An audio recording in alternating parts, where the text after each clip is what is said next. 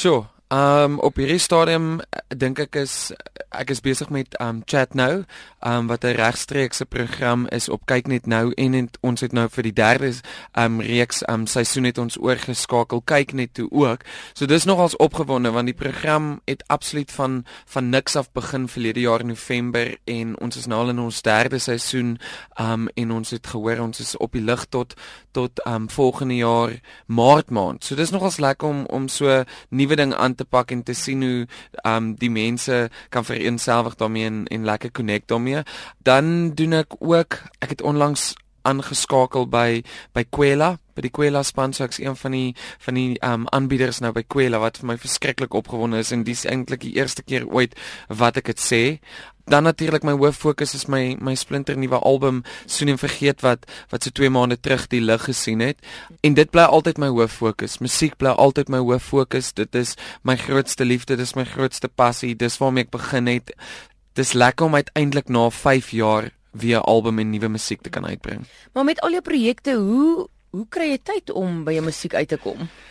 Wel, wat ek altyd vir my bestuurder sê en ek het ek het regtig 'n ongelooflike span van by CEO Productions wat saam met my werk en ons het gelukkig 'n 'n lekker verstaan met met my loopbaan is dat my musiek kom altyd eerste. Alles om dit moet altyd moet altyd inval. Tensy mens nou iets doen soos byvoorbeeld 'n reeks van sterlopers, wat 4 maande uit jou skedule uitvat en uit jou dagboek uitvat of 'n teaterstuk um soos altyd in my drome wat ek ook nou weer doen in September. Ek probeer altyd my musiek die die die voordeel gee op die einde van die dag laat hy die eerste keuse kry en dan wat ook al om dit inpas is is 'n absolute bonus. Nou kom ons gesels oor die ding waarvoor jy hierso is en dis natuurlik jou jou album. Ons het 5 jaar gewag vir 'n album. Voor ons kom by die titel, hoekom 5 jaar? Omdat jy so besig was. Die die die rede, die hoofrede was ek het elke jaar het ek 'n het ek 'n ander projek gedoen, soos byvoorbeeld sterlopers. Dit vat 4 maande uit jou loopbaan uit. So jy kan vir 4 maande lank glad nie toer nie. Jy kan um jy kan nie um ander um TV-programme doen. Ek probeer altyd die produk of die projek wat ek doen al my aandag voorgee.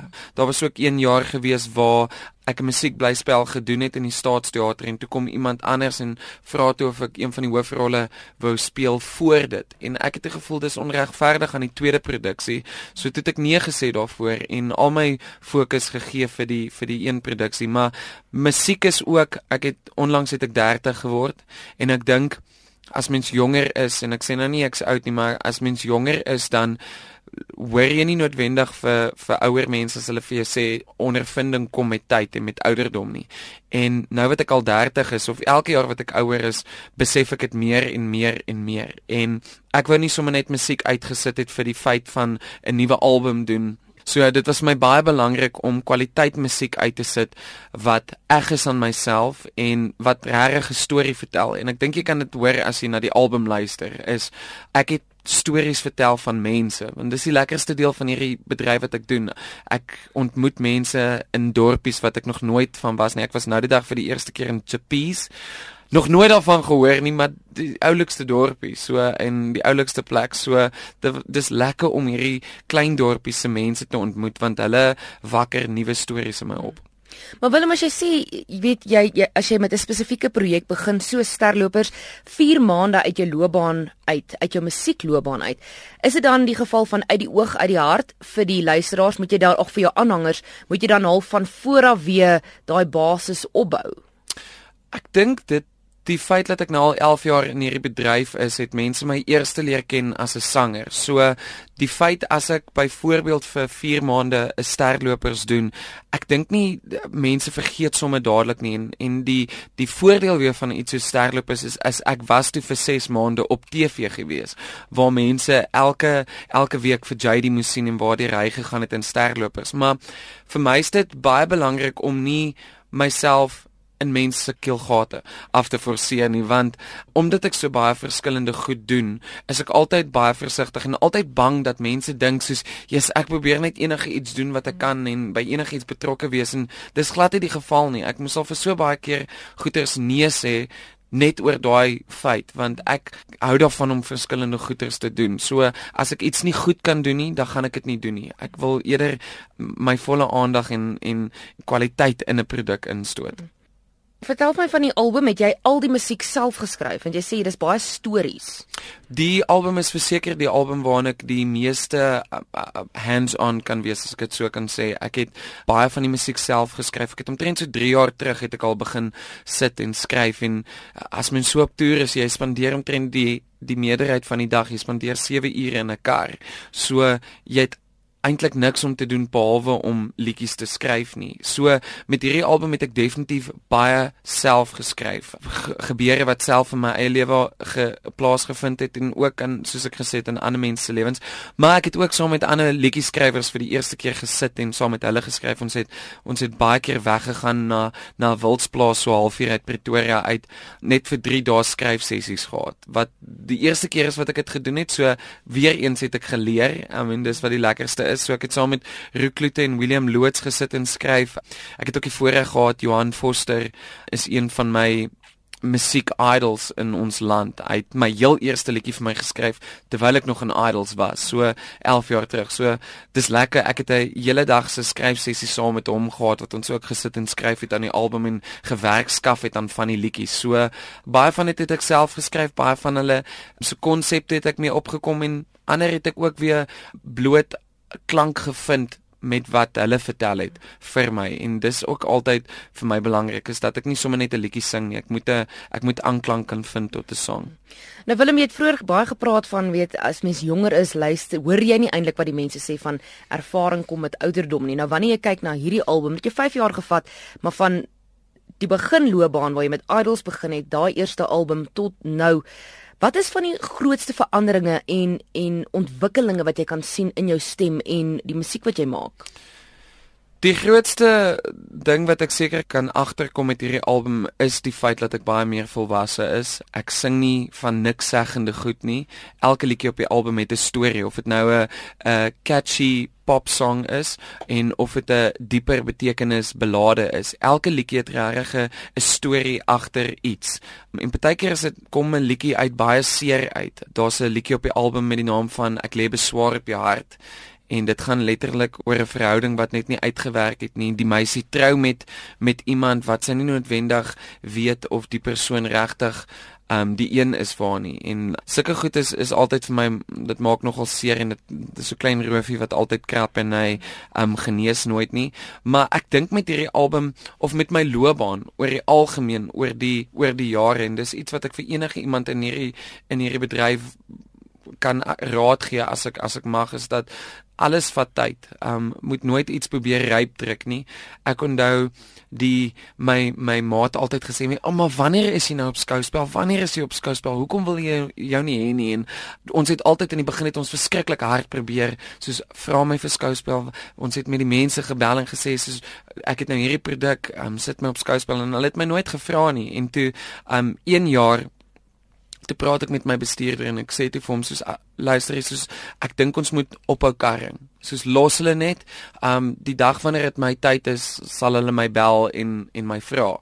En dit was toe seker 2 maande daarna toe bel skouspel en vra toe dat hulle wil hê ek moet eh, die jaar daar sing. So ek dink dit is 'n dis 'n goeie les wat ek by myself moes leer en mense is altyd so geneig om oral altyd te wees en te wil optree en so.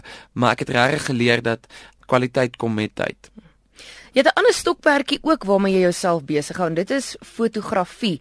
Vertel my 'n bietjie daarvan is is jy het jy gestudeer, is jy opgelei daarin en waar het die liefde vandaan gekom? Glad nie. Ek het alles geleer toe ek toe ek jonger was en nog op die plaas gebly het, het ek 'n groot liefde daarvoor gehad om altyd ons perde en en ons ander diere op die plaas af te neem. Nooit regtig bome of ehm um, stilstaande goed nie. Ek het altyd iets vir beweging gehad en vir vir diere. Ehm um, selfs seker omdat ek 'n veearts wou word, maar toe ek nou Pretoria toe trek, was daar 'n bietjie min diere om my, so ek het toe begin mense afneem en um natuurlik het ek vriende in die bedryf ook en ek het toe sommer van hulle begin afneem en ek onthou my my eerste fotosessie was met Jay gewees en daai foto's het toe beland in 'n tydskrif en natuurlik staan jou naam dan so klein onderaan geskryf. Niemand kan dit eintlik eers sien nie, maar dit het toe gemaak dat meer mense van die van my werk begin sien en ek het myself ek het toe letterlik op YouTube gegaan video's begin soek van fotografie van hoe om gremering te doen, hoe om hare te doen en ek het myself toe alles net begin leer en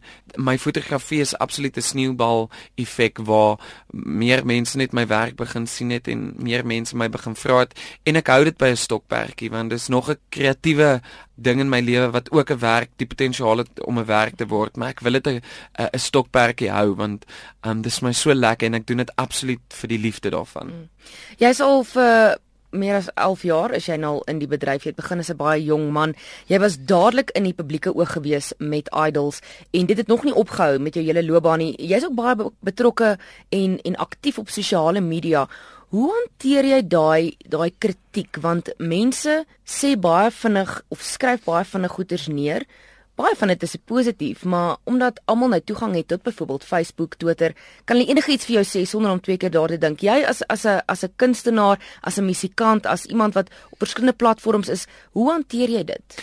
Ek is glad ek is glad nie goed met negatiewe kritiek nie en ek dink dis omdat ek soveel omgee wat mense sê en dink en voel teen teenoor myself. So dis nooit lekker vir my as mense negatiewe kommentaar lewer nie. Partykeer voel ek is so niks seggend en is so onnodig.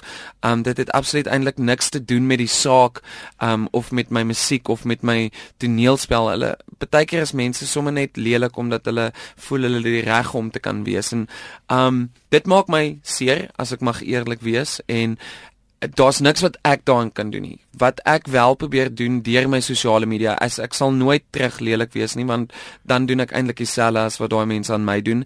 Vir my die belangrikste is eintlik om mense op baie klein maniere te leer dat wat hulle doen aan ander mense maak seer. So ek het ek weet ek is in hierdie bedryf. So as hulle sê mos as jy as jy 'n toffie is dan moet jy gekou word. Ehm um, so ek weet dit is waarvoor ek myself opgesaal het. So die feit dat ek negatiewe kritiek kry dit ek verwag dit. Wat vir my altyd seer maak is as ek sien hoe mense, ander mense, sommer net doodnormale mense of of boelie op skool of sulke goed en dis iets waarvoor ek glad nie staan nie. Ek het 'n ek het 'n liedjie op my album spesifiek geskryf met die naam van Swart Skaap en die woorde daar sê dat liefde ken geen kleur nie of haat nie, liefde ken geen taal nie. En dis iets waarna ek regtig my eie lewe toepas, is dat ek gee nie om hoe jy lyk nie. Ek gee nie om of jy vet, maar lank, kort, sproete, enige iets. Kyk, sproete is natuurlik vir my beautiful. So ek gee nie om hoe jy lyk nie ek gee om wat in jou hart aangaan en dit spreek op die einde van die dag 'n baie baie groter deel van jou karakter as as jy wat net sommer lelik is op sosiale media. So ek wens ek kan altyd vir mense sê lees net gou-gou weer as jy getik het wat jy skryf. Lees net gou-gou deur wat jy sê daar. En dan dink jy sal jy daarvan hou as iemand dit nou op my sosiale media waar almal dit kan sien. Want letterlik op hierdie stadium kan 50000 mense sien wat jy vir my skryf en dit maak tog seer Waar kan ons luisteraars jou in die hande kry? Natuurlik nie om negatiewe goed te ja, skryf nie. So asseblief wees positief. uh, nee, ehm um, ek is ek is baie aktief op my soos jy gesê het op my sosiale media. Ek's op Facebook, ek's op Twitter, ek's op Instagram en alles is net Willem Botha. Ek doen al my goeie self. Ek lees alles self en ek antwoord nie noodwendig alles nie, maar ek like ten minste om te sê, "Hoorie, ek het elke liewe comment gelees wat wat hier so is." So ek sien dit so. Moenie dink as jy iets skryf dat dit gaan dit gaan unnoticed nie.